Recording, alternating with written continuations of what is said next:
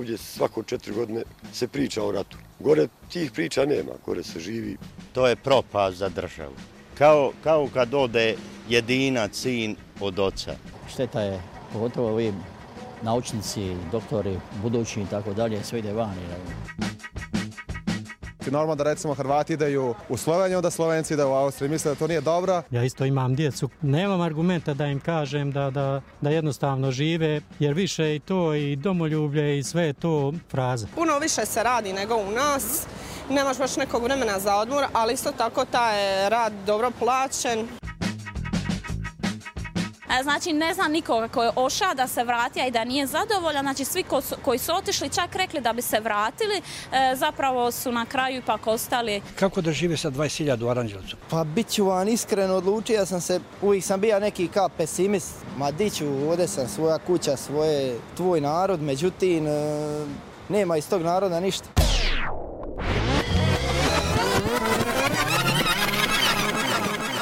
Radio Karantin. Pojam domovine se definiše kao mesto na kome smo rođeni i odrasli. I stoga prema takvom mestu imamo poseban odnos. Smatra se da domovina pojedincu daje osjećaj ukorenjenosti i snagu. Postoje različite shvatanja domovine, recimo kao mesto poverenja i mira. Ona se doživljava kao čuvanje tradicije i kao mesto krajnjeg zajedništva, pre svega kroz običaje i jezik. Postoje ljudi koji se na jednom mestu rode, tamo ostaju čitav život i to mesto zovu domovinom. Ima ljudi za koje je domovina zatvor, iz kojeg beže i, i u njega se kasnije vraćaju najviše jednom godišnje zbog toga što se u vreme Božića osjećaju obaveznima da to urade. Postoje ljudi koji svoju domovinu izgube i moraju da beže. Ti ljudi nemaju privilegiju da odluče da li u svojoj domovini žele da ostanu a ako nemaju sreće, onda na nekom drugom mestu nailaze na ljude koji svoju domovinu hoće da brane od stranaca i ta domovina nikada neće biti njihova. Ovako piše autor Krsto Lazarević, koji je rođen u Bosni i Hercegovini i kao dete sa roditeljima iz BiH pobegao u Nemačku. Danas živi u Berlinu i piše za nekoliko medija na nemačkom jeziku. On smatra da je u svakodnevnom govoru domovina bezazlen termin – Većina ljudi ga upotrebljava kako bi opisala mesto gde su odrasli, za koje ih vezuju lepa sećanja ili mesto na kojem se osjećaju kao kod kuće. U politici je to, međutim, opasan termin, koji desničarski populisti čitave Evrope stavljaju u centar svoje ideologije, kaže Lazarević. Austrijska književnica Ana Midguč u ogledu o tuđem piše da domovinu najjače osjećamo u bolu zbog gubitka, slutimo je u strahu od gubitka sigurnosti i pita se zašto je čoveku potrebno osvedočenje o domovini. Da bi povećao osjećaj lične vrednosti za koji ne može da nađe uporište u sebi samome, jer domovina je ono što doživljavam kao spoljni odraz svog unutrašnjeg svetonazora.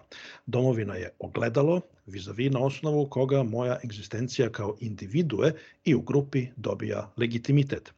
Što je ja slabije, to mi je više domovine potrebno. To teže podnosim strah od drugog jer ne mogu da izdržim da moj identitet bude doveden u pitanje. U tom smislu domovina je moć koja stvara usaglašenost.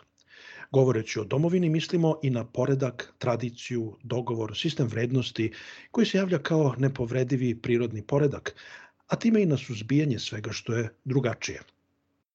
Drugi se u tom sklopu može doživeti samo kao iritacija koja taj poredak dovodi u pitanje, pukotina kroz koju prodire nepouzdano, što ugrožava sigurnost, pa mora biti učutkano, ograđeno ili učinjeno neškodljivim na neki drugi način, piše Ana Midguč.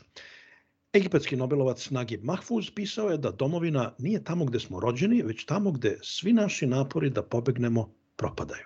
I zaista, domovina se čini kao krajnje mesto pripadanja i sigurnosti, a s druge strane istovremeno se o njoj često govori kao o mestu napuštanja – Bar je tako u ogromnom broju slučajeva takozvanih nas iz regiona. Domovina, izvor neizrecivog ponosa i sreće za jedne i beskrajne teskobe i tuge za druge.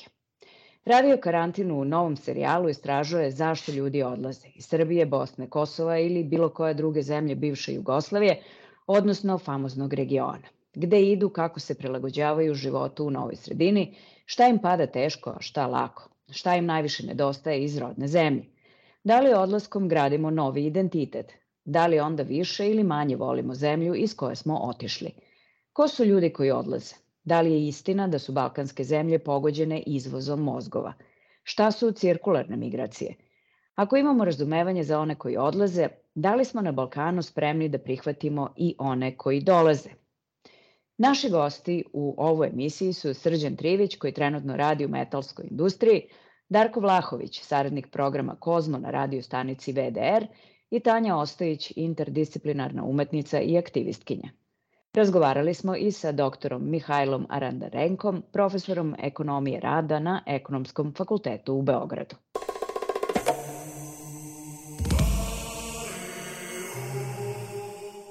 Najčešći razlozi zbog kojih ljudi napuštaju svoje zemlje su bolji standard, bežanje od oružanih sukoba, usled klimatskih promena, da bi izbjegli siromaštvo, zbog obrazovanja i stručnog usavršavanja, ljubavi, porodičnih veza, zbog boljeg zdravstvenog osiguranja ili iz političkih razloga, zbog verske, rodne ili netrpeljivosti okruženja prema njihovoj seksualnoj orijentaciji. Prema podacima Međunarodne organizacije za migracije Ujedinjenih nacija, u 2020. godini bilo je preko 280 miliona međunarodnih migranata. To znači da je 3,6% totalne populacije planete živelo van svojih matičnih zemalja. Odlazak stanovnika, posebno mladih ljudi iz zemalja Balkana u ekonomski visoko razvijene zemlje, pre svega zapadne Evrope, jedan je od najvećih problema s kojim se suočavaju sve zemlje u regionu poslednjih nekoliko godina. Preciznih podataka o tome koliki broj ljudi napusti zemlju nema, ali se pretpostavlja da Srbiju, Bosnu i Hercegovinu i Hrvatsku napusti broj stanovnika jednog manjeg grada. Profesor Mihajla Randarenko sa Ekonomskog fakulteta u Beogradu istražuje migracije. I njega sam prvo pitao da mi kaže koliko ljudi je poslednjih godina otišlo iz Srbije. To su podaci koji je uvek potrebno veoma oprezno saopštavati zbog toga što postoji fundamentalna razlika između takozvanih bruto odlazaka, znači svaki put kad neko bude registrovan kao osoba koja je otišla, tada govorimo o bruto emigraciji. Međutim, neto emigracija je zapravo e, stvarno stanje, odnosno koliko ljudi je e, ostalo više u zemljama destinacije e, pošto su, pošto su otišli. Znači, to je taj neto, ne, neto broj. I nažalost, mi ne možemo sa sigurnošću da znamo koja je to brojka. Moje procene su da je to manje od 10.000, 10.000 ili manje godišnje, znači relativno umerene. Zbog toga sam ja prefer, zbog toga ja preferiram drugi izvor, a to su to je ono što se zove ogledalo statistika, drugim rečima to je šta nam kažu statistike u zemljama prijema. Jer oni, kad vi kad ste zemlja prijema, vi imate potpunu kontrolu ili skoro potpunu kontrolu nad e, imigrantima, u smislu da na kraju svi oni završe ili da velika većina onih bitnih emigranata, znači oni koji su duže, kao registrovani emigranti i većina ljudi naravno i odlazi na taj način, tako da po tom osnovu sam ja došao, gledajući statistiku glavnih zemalja destinacije, sam ja došao do te procene od oko 10.000 uh, odlazaka godišnje. Kod nas niti posebno profesionalci odlaze iz Srbije, niti penzioneri, zato što su penzije male, nego upravo odlazi to radno aktivno stanovništvo i oni na neki način njima je teže ući u trag zbog toga što je najveći broj tih odlazaka zapravo privremen. Kad pričamo o odlascima i broju ljudi koji odlaze, evo daću jedan prost primer. Moja prijateljica ovde u Škotskoj je nedavno došla iz Srbije, ona je dobila radnu dozvolu i ona je sa sobom dovela supruga i dvoje dece. Da li se i oni broje? Apsolutno, apsolutno. Znači, postoji uvek, postoje tri osnova, glavna osnova da neko bude računat kao emigrant. Jedan je e, po osnovu rada, drugi je po osnovu spajanja porodice i treći je po osnovu obrazovanja. I zapravo po osnovu rada E, ako ljudi odlaze samostalno, to su uglavnom privremene migracije. Međutim, ako vode porodicu i ako dolaze da studiraju pre svega, tu su već ozbiljne stvari u smislu iseljavanja. I recimo, ja mogu da pretpostavim da vaša prijateljica će računa sa tim da će ostati duži period, možda i neograničen. Znači, to je ta vrsta, posebno ako je visoko obrazovana i tako dalje. Činjenica da su više odlazili siromašniji i manje obrazovani. To je jako zanimljivo. I, I to zapravo govori o tome, kako da kažem, prema kome je ova zemlja nameštena na neki način, odnosno pravila, institucije i tako dalje. Znači da e, percepcija o famoznom odlivu mozgova ne treba mnogo da nas brine. Ne, ne, ne. Mislim, mozgovi nam naravno odlaze, ali u nekoj veoma umerenoj meri, ja bih rekao.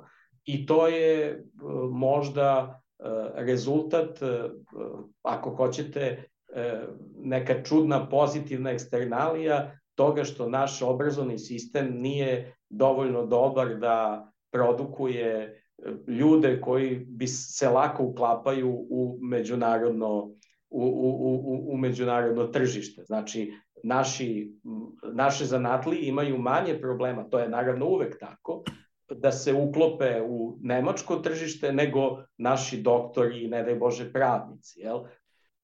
Kad se pogleda koliko ljudi je otišlo iz Srbije i kad se pogleda gde su ljudi otišli, šta se zaključuje? Koje su najatraktivnije destinacije? Pa, ubedljivo najatraktivnija destinacija je uh, Nemačka, naravno.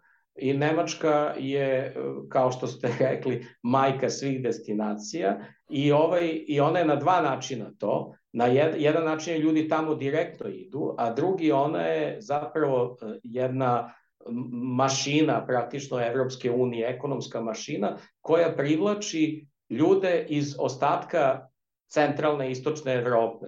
Znači, Poljske, Češke, Slovačke i tako dalje radnike i onda ta nepopunjena mesta u centralnoj Evropi bivaju popunjena između ostalog i našim radnicima.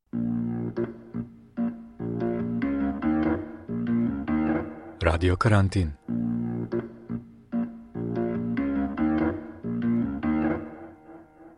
Aleksandar Kocić i ja imamo da na gomilu skupimo emigrantsko iskustvo od pola veka, raspoređeno u šest zemalja. Englesku sam duplo računala jer različiti senzibiliteti i doživljaj. Oboma nam je domovina bila Socijalistička federativna republika Jugoslavija. On je iz nje krenuo dosta pre mene, na početku njene dezintegracije, a ja sam otišla kada je ona bila u stadijumu Srbije i Crne Gore. U ovom serijalu ćemo verovatno otkriti dosta toga novog i o sebi samima, o tome na koji način su nas sva ova kućenja oblikovala i, kako peva Dezion, da li smo se pronašli ili još lutamo. Naši gosti su Srđan Trivić, Darko Vlahović i Tanja Ostojić. Dobrodošli. Radujemo se što sa nama otvarate novi serijal podcasta Radio Karantin. Svo troje živite u Nemačkoj. Kako se identifikujete u smislu pripadnosti? Tanja, za tebe znam da se veoma nerado priklanjaš ideji nacionalne pripadnosti i da sebe uglavnom predstavljaš kao umetnicu jugoslovenskog porekla. Šta za tebe znači pripadnost u tom nacionalnom i geografskom smislu? Gde sebe danas smeštaš u tom kontekstu? Pa ja se i dalje nerado ovaj, izjašnjavam e, verski, rasno i ostalo ovaj, tako i nacionalno. Mislim, jednostavno ne čini mi se e, e, ni u smislu e, zgodno da se ovaj, moj identitet svodi na, na pitanje recimo nacionalnog identiteta. Mislim, e, postoji u nekim e, socijalnim ili u nekim e, kulturnim krugovima potreba da se e, stalno naglašava nečija nacionalna pripadnost E, i e, to sam doživala e, tamo neke 98. kada sam otišla da živim u Francuskoj kao dosta prisutno. Da bi svako pokušao da me najavi nekakvim nacionalnim identitetom. Ja sada imam, ovaj, kad me pitaju odakle sam, ja kažem Berlin Mite. A Srđane, evo ti si tek nedavno uh, otišao iz Srbije, koliko imaš li ti te neke dileme i e, nedoumice u pogledu pripadnosti? Pa nemam, šta ja znam, ni dileme, ni nedoumice u tom nekom smislu. Ja sad sam, ono sam što je sam, jednostavno ne vidim svrhu da, da, da na to stavljam akcenat u bilo kom smislu. Znači ja kažem, ovaj, u stvari volim da kažem, došao sam ovde da pošteno radim, pošteno da me plate, da bacam smeće, da razvrstavam i da plaćam porez i to je to što se mene tiče. da li ću da budem srbin, indijanac ili šta god, mislim da je to nešto lično i što je, pa ne znam, onako nešto što nam se više stavlja kao glavna tema i, i, i pripadnost i veri i, i, i naciji, da bismo samo što više o tome pričali kako ne bismo pričali o, o bitnim stvarima u stvari. Evo, Darko, počeli smo sa tim e, posle određenog vremena van rodne zemlje, e, tema je osjećaj pripadnosti. Ja sam se osjećao i ranije kao jeli, Jugosloven. Te zemlje jako dugo nema i prosto sad se nekako najviše osjećam kao Italijan, pomalo i kao Nemac, kao Srbin takođe do nekle, ali ja i dalje se najviše osjećam kao Jugosloven, što je potpuno besmisleno, jer ta zemlja ne postoji. Zašto se svo troje uopšte a, odlazili iz, iz tih nekih svojih zemalja imaginarnih, postojećih ili nepostojećih? A, šta su bile ti a, razlozi za te inicijalne odlaske? Ja sam otišao možda ne znam, ne znam za ostale, ali ja sam otišao 2006. Dosta kasno. Mogao sam da odem i ranije, nisam želeo. Međutim, eto, posle Đinđićevog ubistva, ja sam definitivno i, i svega ostalog što je počelo da se dešava već tada u medijima od 2000. pa nadalje, ja sam shvatio da prosto ja tamo nemam budućnost, a da imam sina koji je italijanski državljanin, koji u tom trenutku ima pet godina i prosto eto, želim da bar njemu pružim neku budućnost normalniju nego što bi ikad mogao da ima da je odrastao u Srbiji. Pa moja priča verovatno nije tako tipična. Ja se da sećam 95. 96. godine e, tokom e, studentskih protesta e, i građanskih protesta u Beogradu u kojima sam aktivno učestvovala ovaj, da sam uh, odlučila da uh, uzmem uh, privatno časove engleskog, uh, tako da uh, tako sam tad mislila, jel, za slučaj da ovi protesti propadnu, ja ću da odem u inostranstvo. Onda 98. godine, kada sam magistrirala u Beogradu, ja sam aplicirala za jednu francusku stipendiju E, za usavršavanje e, u Nantu i dobila sam tu stipendiju, znači otišla sam onda na tu stipendiju. Opet da kažem bez neke sad, kako da kažem, odluke da idem, to je bilo prosto odlazak na jednogodišnju stipendiju.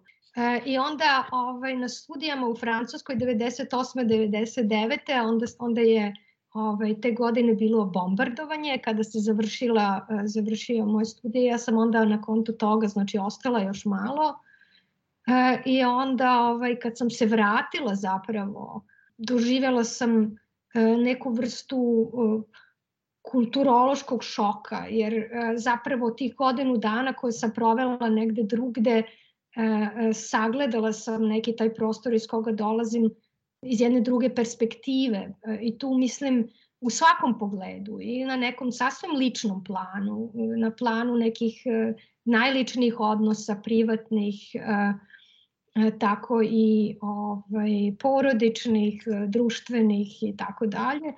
E, I nekako, a istovremeno i prošlo je neko to društvo u Srbiji kroz neku drugu vrstu transformacije ovaj, usled bombardovanja. Jel? I onda sam shvatila da zapravo ja ovaj, moram da odem.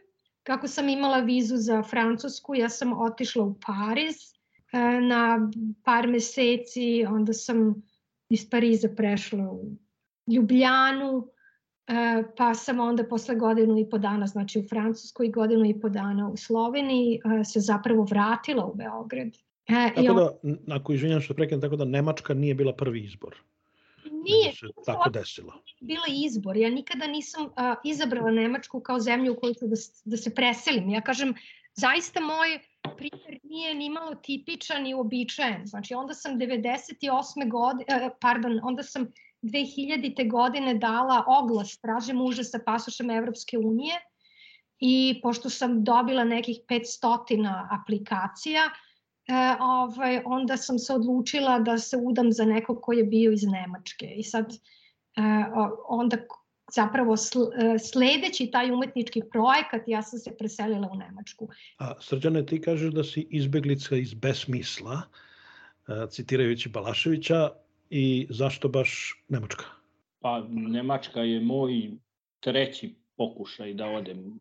Imao sam pre šest godina odlazak u, u Češku, posle toga prošle godine Sloveniju, nije bila dobra priča, baš je onako bilo, ništa nije bilo kako je bilo dogovoreno, vratio sam se posle dve nedelje i onda je bilo ovaj, ovo za Nemačku, gde sam e, već bio posle onih izbora u aprilu, gde sam uvek, ja mislim da sam uvek nekako bio svestan da, da, da moram da, da idem i da vodim porodicu, a uvek sam uspevao da nađem neki razlog da ostanem.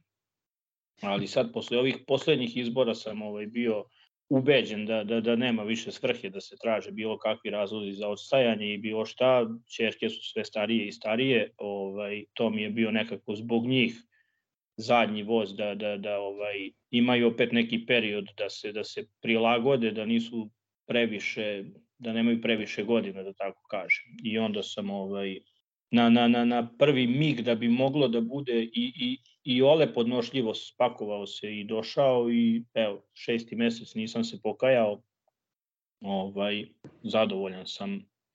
Nisam od onih koji ovaj, se oduševljavaju sa svim i svačim na prvu i govore sad ne znam kako je Nemačka najbolja, kako ovo, kako ono, u sve svoje nedostatke i mane ipak je to neka sasvim druga dimenzija ovaj, u odnosu na ono odakle smo svi otišli. E, kad se priča o emigriranju, a, obično se podrazumeva da se govori o prelasku na nešto bolje u svakom pogledu. Um, kako je iskustvo, Darko, recimo tvoje u tom smislu? Jesi odmah osetio taj emancipatorski efekt prelaska u prosperitetnije društvo? U sećanju mi je jedan događaj onako vrlo jako sećanju i mislim da će ostati tu za uvek. A to je kad smo došli ovde, pa ono, posle par meseci, prvo sam bio i ja došao na kratko, onda sam došao ponovo da nađem stan, tražio sam trosoban stan bez ikakve potvrde o prihodima i bilo čega, tako da nije bilo jednostavno, ali na kraju sam ga našao. I onda su došli moja žena i moj sin, posle možda nekoliko meseci pokvarila nam se za suda. I sad to bi onako u Beogradu bi to bila jedna ozbiljna katastrofa za koju bi trebalo sad da štedim jednu godinu dana da bi kupio novu mašinu za sudove. Moja žena me pozvala onako sva u panici šta da radimo, mašina za sudove, crkva, šta ćemo sad, ja sam lepo rekao, ok, to neću večeras novu. I sišao sam istog trenutka u prodavnicu, kupio novu mašinu za sudove, sutradan je bila montirana i sve je bilo normalno. To je neki prvi onako egzistencijalni šok koji doživiš kad shvatiš da su to sasvim neke normalne stvari sve koje odjednom sad uopšte ne moraš da previše brineš. Da, meni je a, bilo važno to da sam mogla, kad mi drugari kažu hoćeš da vadiš novinarsku karticu, pres karticu, sa pres karticom možeš da ideš u sve muzeje i galerije, kažem neću, doživala sam da mogu da platim svoje karte, da ne moram da idem autostopom i ovaj, da finansiram svoje odlaske ovaj, na kulturne dešavanje. Izvini samo što prekidam Darko, ja sam već stari prestar, pa ću da se, sad si me podsjetio, moja prva veš mašina u Londonu uh, je bila iznajmljena, jer to je bilo još ono vreme kad si mogao da, mi smo imali iznajmljen televizor, iznajmljenu veš mašinu, odeš, ako se nešto pokvari, oni zamene sutrada, nema ni, uzmeš na šest meseci i tako. Tako da ovaj, toga više tih biznisa više nema, to je naravno sve propalo, ali je tada 90. godina bilo ovaj, vrlo, vrlo normalno. Ali zanimljiva ideja za Srbiju. Kažite mi, e, svo troje, evo da počnemo od Tanje, e, s obzirom da niste, niste, odnosno bar Tanja nije otišla u Nemačku s namerom odmah da bude to Nemačka, koliko su se neke predstave o toj zemlji ostvarile, koliko su se pokazale pogrešnim? Pa ja se iskreno ne sećam nikakvih predstava o Nemačkoj. Srđane, za ovo kratko vreme u Nemačkoj? Pa ja imam sreću da sam, da sam u manje mestu, ovaj, tako da u principu sve to ide nekim svojim tokom od, od onih početnih stvari, prijave boravka, ne znam, rešavanja računa u banci, čak e, prebacivanja vozačke dozvole na Nemačku, sve sam onako nekako ovaj, u nekom i razumnom roku, obzirom da sam došao sa tim nekim predznanjem i sa, sa ovaj, e, pričama da nije nešto što je baš ovaj u prvih 100 najboljih stvari u Nemačkoj je njihova administracija. Ovaj, međutim, znam za puno ljudi koji su po većim gradovima i šta ja znam tamo Frankfurt, Minhen, Stuttgart, da su jako veliki problemi, jako velike gužve, mislim da je to ono jedna od prednosti manjeg mesta gde nema tih problema. Kakav odnos imate sada prema, prema zemlji iz koje ste originalno dolazili? I pogotovo prema tim našim nekim prilično opterećenim domovinama. Jer može da se ima neki objektivan stav prema tome? Jer se osjećate tamo kod kuće sada? Evo mogu ja, ja se ne osjećam kod kuće tamo uopšte. Vrlo, vrlo sam neprijatno razočaran svaki put kad odem za Beograd, koliko se taj grad pretvorio u nešto, ne znam ni ja kako bih to nazvao, nešto između kasabe i nečega što želi da bude nekakav veliki. Beograd je nekad bio normalan grad, nekad je bio metropola. Ovo danas je nešto između, znam, nekog seoskog vašara i neke orijentalne, ne znam, tako, kasabe što rekao pritom, eto, više nemam tamo nikog od živih, bliskih rođaka, oci majke su umrli, brati i sestra žive u Grčkoj, imam tamo nekih daljih rođaka jako volim, sve to lepo, imam nekoliko prijatelja, zaista to je sve što me nekako i dalje vezuje za te grad. Jel postoji to, kad počneš da se vraćaš u rodnu zemlju, pa se sve više osjećaš kao turista u zemlji iz koje si otišao? To je negde i normalno, mislim, svi se menjamo, ja se menjam, menja se i ta zemlja, menja se i taj grad, menjaju se ljudi, prosto. Mislim, bila je neka priča da je tokom 90-ih oko 300.000 ljudi otišlo iz Beograda.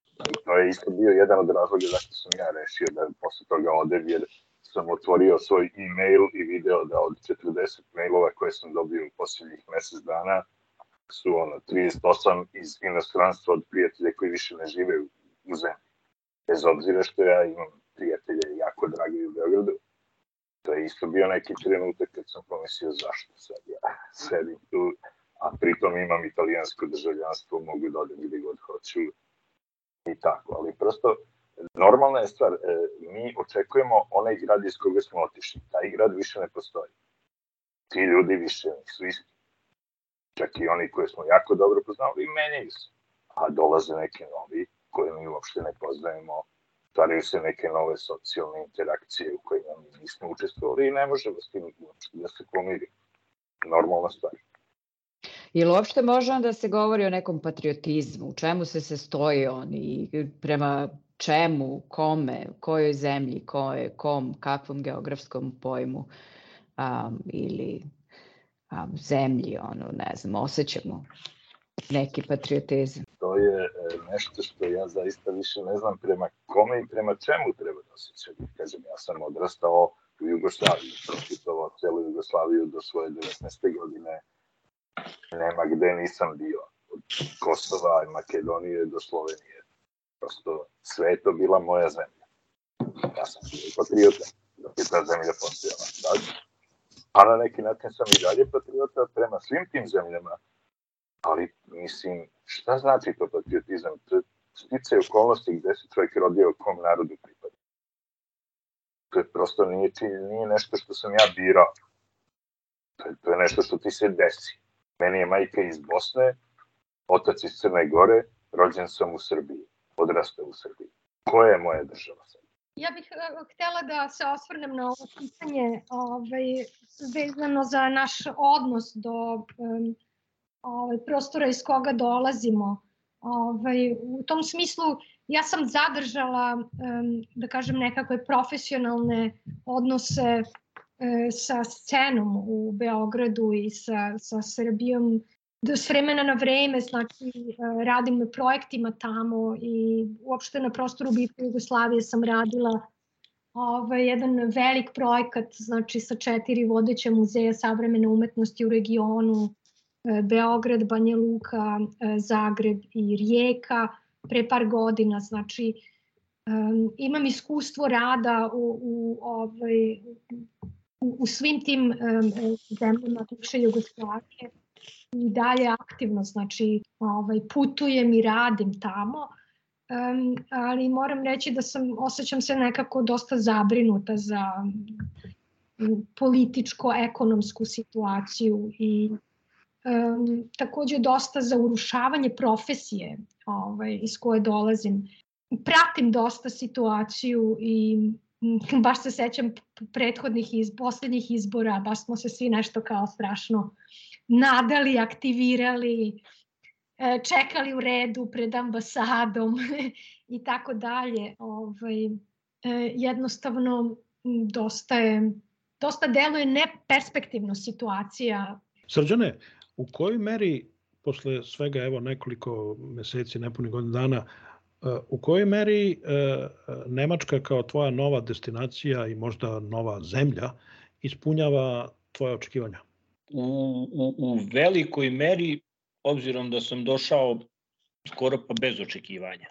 Znači nisam ovaj, e, imao sam ono odakle dolazim i odakle bežim i to mi je i dalje nekako suviše sveže da bih mogao sad možda i dovoljno kritički da razmišljam o onome gde sam došao. Tako da, opet kažem, nisam neki koji idealizuje i sad priča kako je sve roza i kako su paperjasti oblačići svuda oko nas, ali obzirom na ono odakle sam otišao, kako sam otišao i kakva su moja iskustva kao neko ko je bio i dalje jeste samo sa, sa, sa neke druge možda adrese i sa pa ne manjim žarom ovaj glasan i, i aktivan i, i, borac protiv i, i režima i svega onog što se dole ovaj dešava meni je razlika ne znam ni, ni, ni koji izraz da upotrebim pošto vidim ljude koji ovaj rade svoj posao, rasterećeni su, mislim ja sad imam još uvek tu neku jezičku barijeru, pa ne bih ni,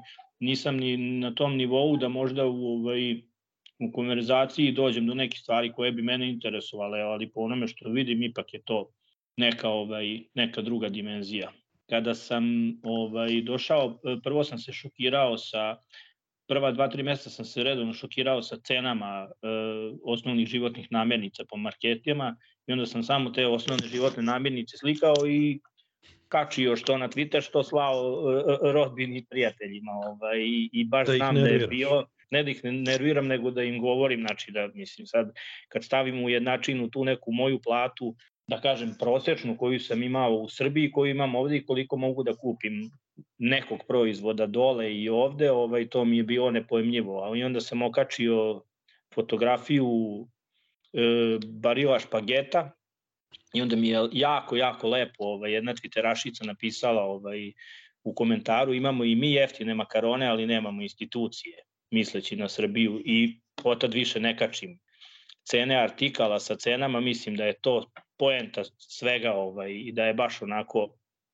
odgovor koji, koji sve objašnjava. Moje jedno veliko razočaranje u Nemačkoj je Deutsche Bahn. To je katastrofa.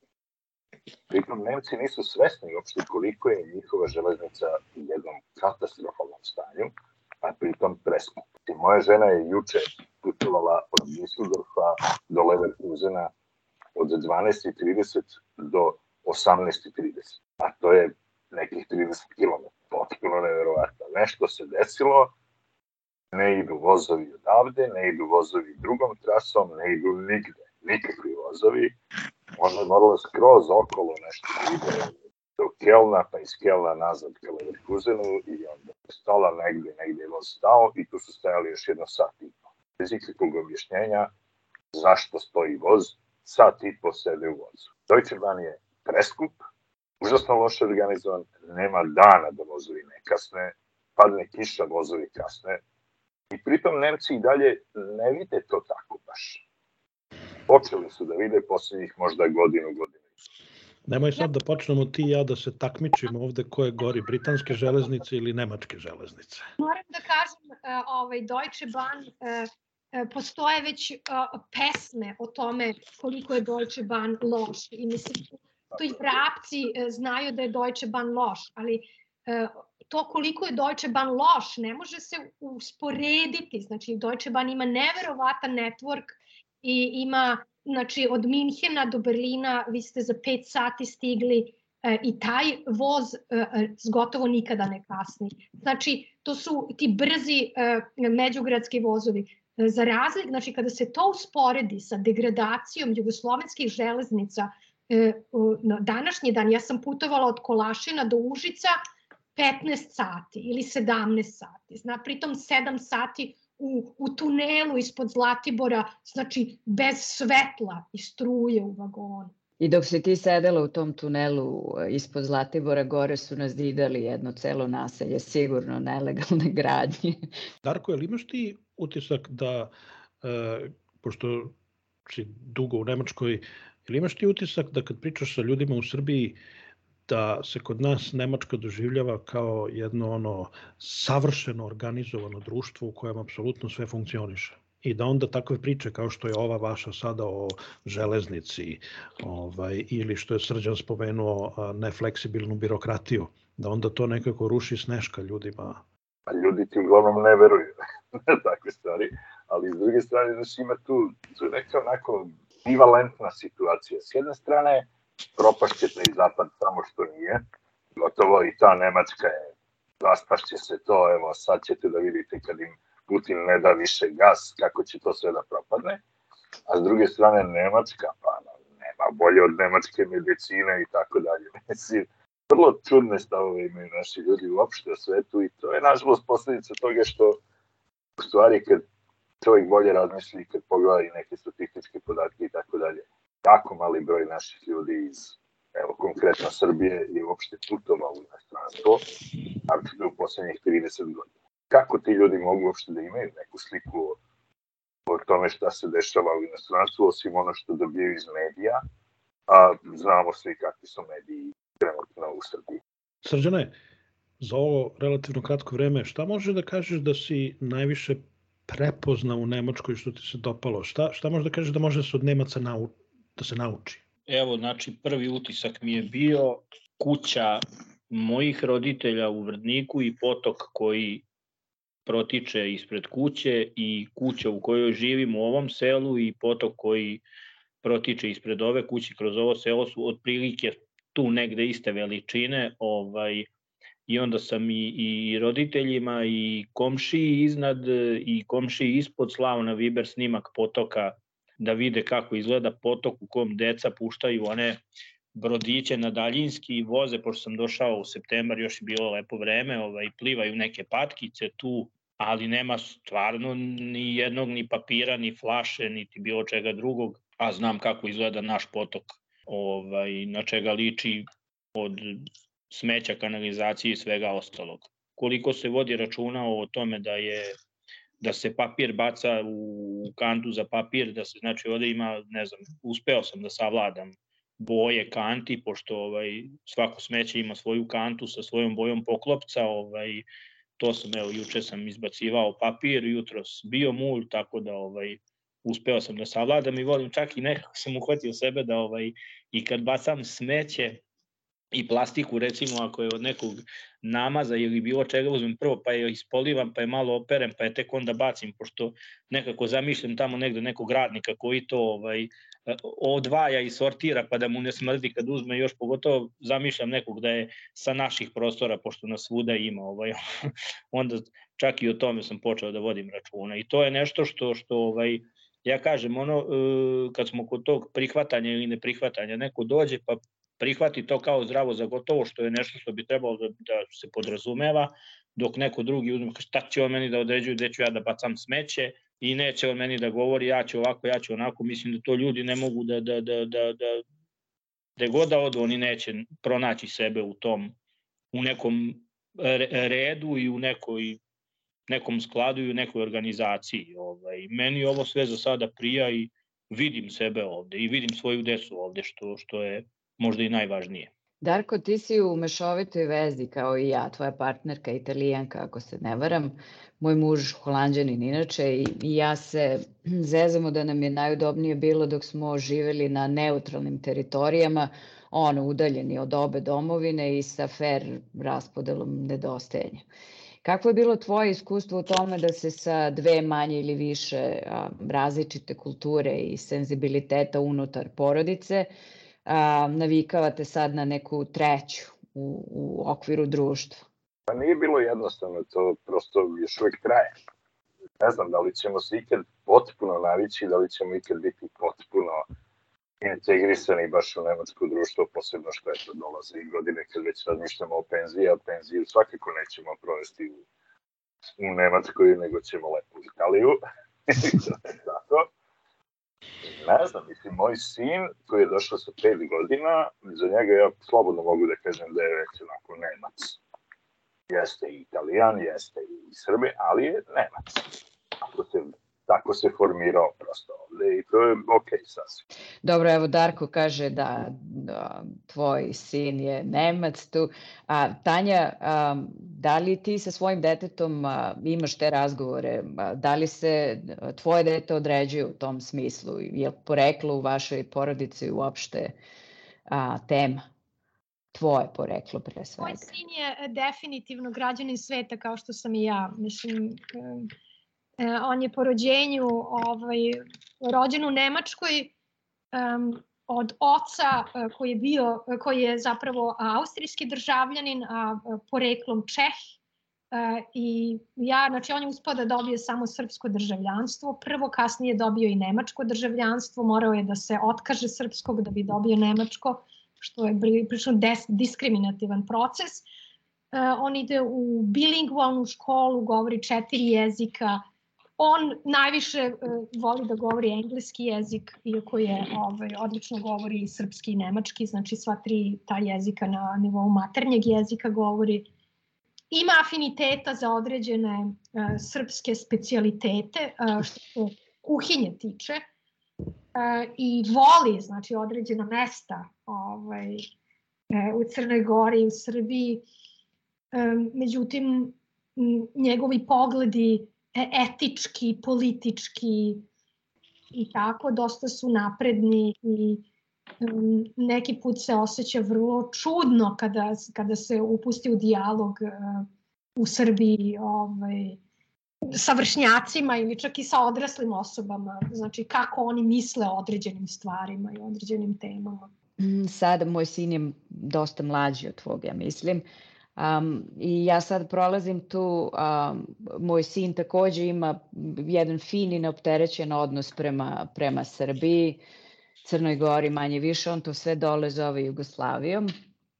Ove, ja sad razmišljam o tome da zapravo lepo da on nasledi to nešto, da krene sa te neke nulte tačke i da nema tu a, opterećenost koju ja nosim još uvek sa sobom u, u tom smislu i to što kažeš da on kao građanin sveta govori nekoliko jezika i da on ne mora da se bavi stvarima kojima se ja još uvek sa samom sobom najviše bavim. A srđene, tvoje deca dolaze, koja je tvoja priča u tom smislu? Večerke i supruga i negde plan, neki idealan, idealan scenario bi bio da, da budemo svi najkasnije do, do septembra, odnosno do početka nove školske godine ovde.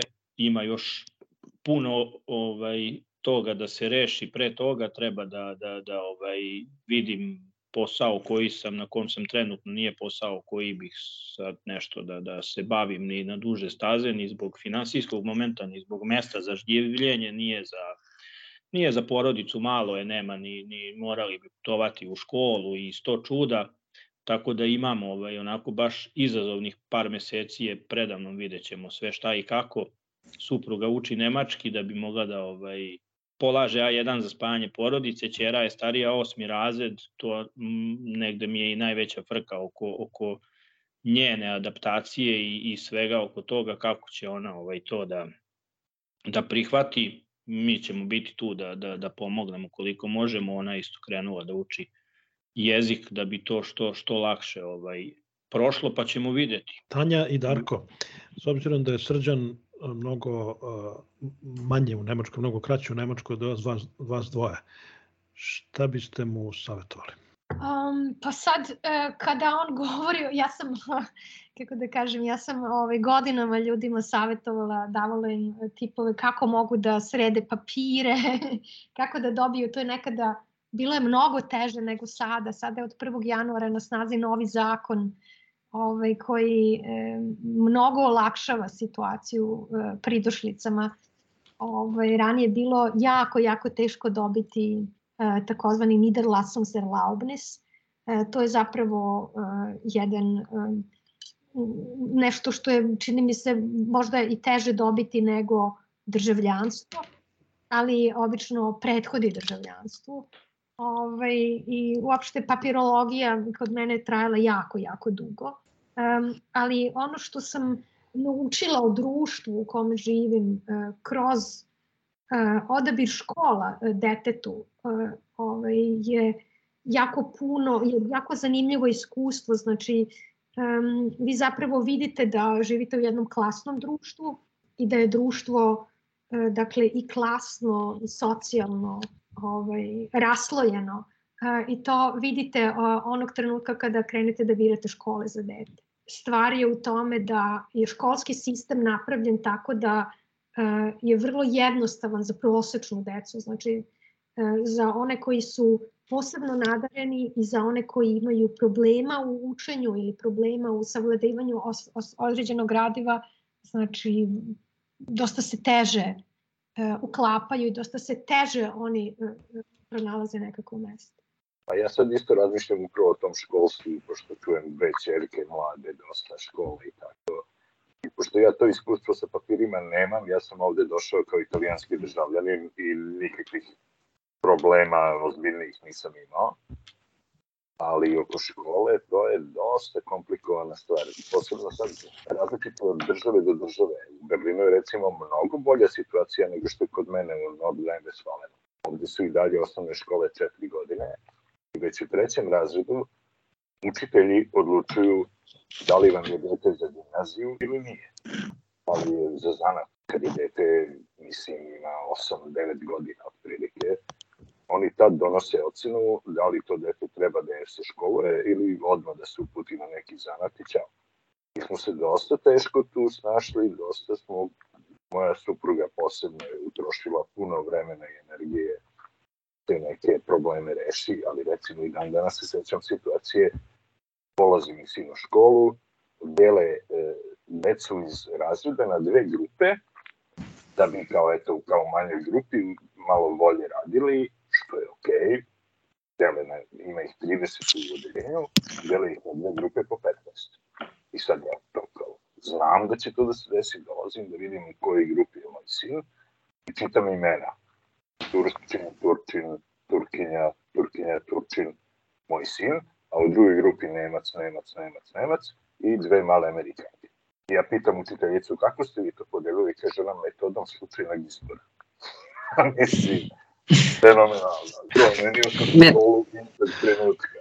I sreća mi je, u Kelnu postoji škola bilingvalna italijansko-nemačka i odmah sam prebacio dete u tu školu, jer italijanski zna. On je došao ovde e, decembru, u avgustu je krenuo u prvi raz, ne znajući jezik. I s tim u vezi srđene, od čega onda najviše strepiš sada kad razmišljaš o tome da ti porodica dolazi, šta te najviše plaši? U, upravo to ovaj, o čemu sad razgovaramo, znači kako će moje dve čerke da se, da se ovaj, adaptiraju, kako ćemo imati i sreće sa školom i kako će, u kom će to sve pravcu ići, mogu vam reći onako da mi to baš ovaj, što se više bliže ti neki dani sve mi već u glavobolju stvara ovaj, i sve, sve sam nervozniji kada o tome razmišljam, a sa druge strane mislim da samo o tome i razmišljam. Ako mogu samo da posavetujem, e, potpuno je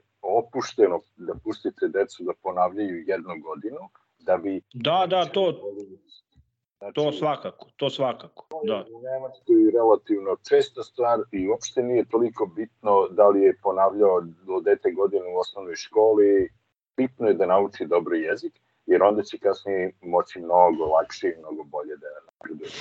Ja sam radio par godina u osnovnoj školi u Madridu i to sam tamo prvi put sreo i znam da sam bio šokiran, jer kao kod nas je bilo ko je ponavljač, taj je katastrofa. I onda kad sam video, ne, ja sam radio još u relativno elitnoj privatnoj školi, najnormalnije oni ponavljaju godinu, niko se ne uzbuđuje, ni dete, ni roditelji, zaista ovaj, potpuno drugačiji pristup tome i meni je trebalo dosta vremena da se ovde naviknem na činjenicu da je to zapravo luksuz, da možete sebi da obezbedite to vreme, zapravo svom detetu da se emotivno razvije pre svega, da se uklopi u sistem i da poradi na nekim stvarima koje sad idu manje dobro nego neke druge i da, da to shvatim zapravo kao luksuz, a ne kao to ponavljanje. Ponavljao je razred. Strašno.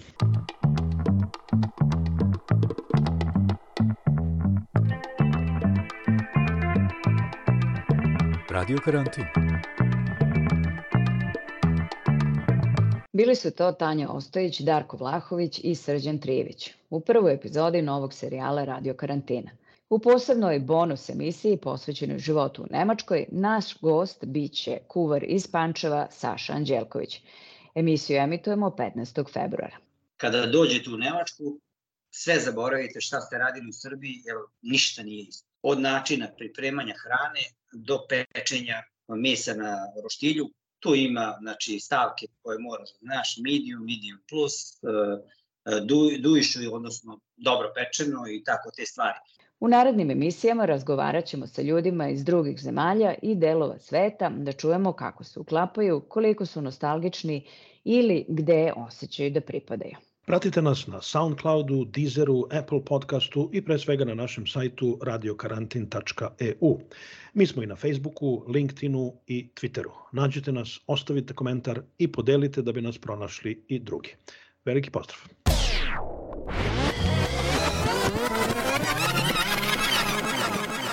Radio Karantin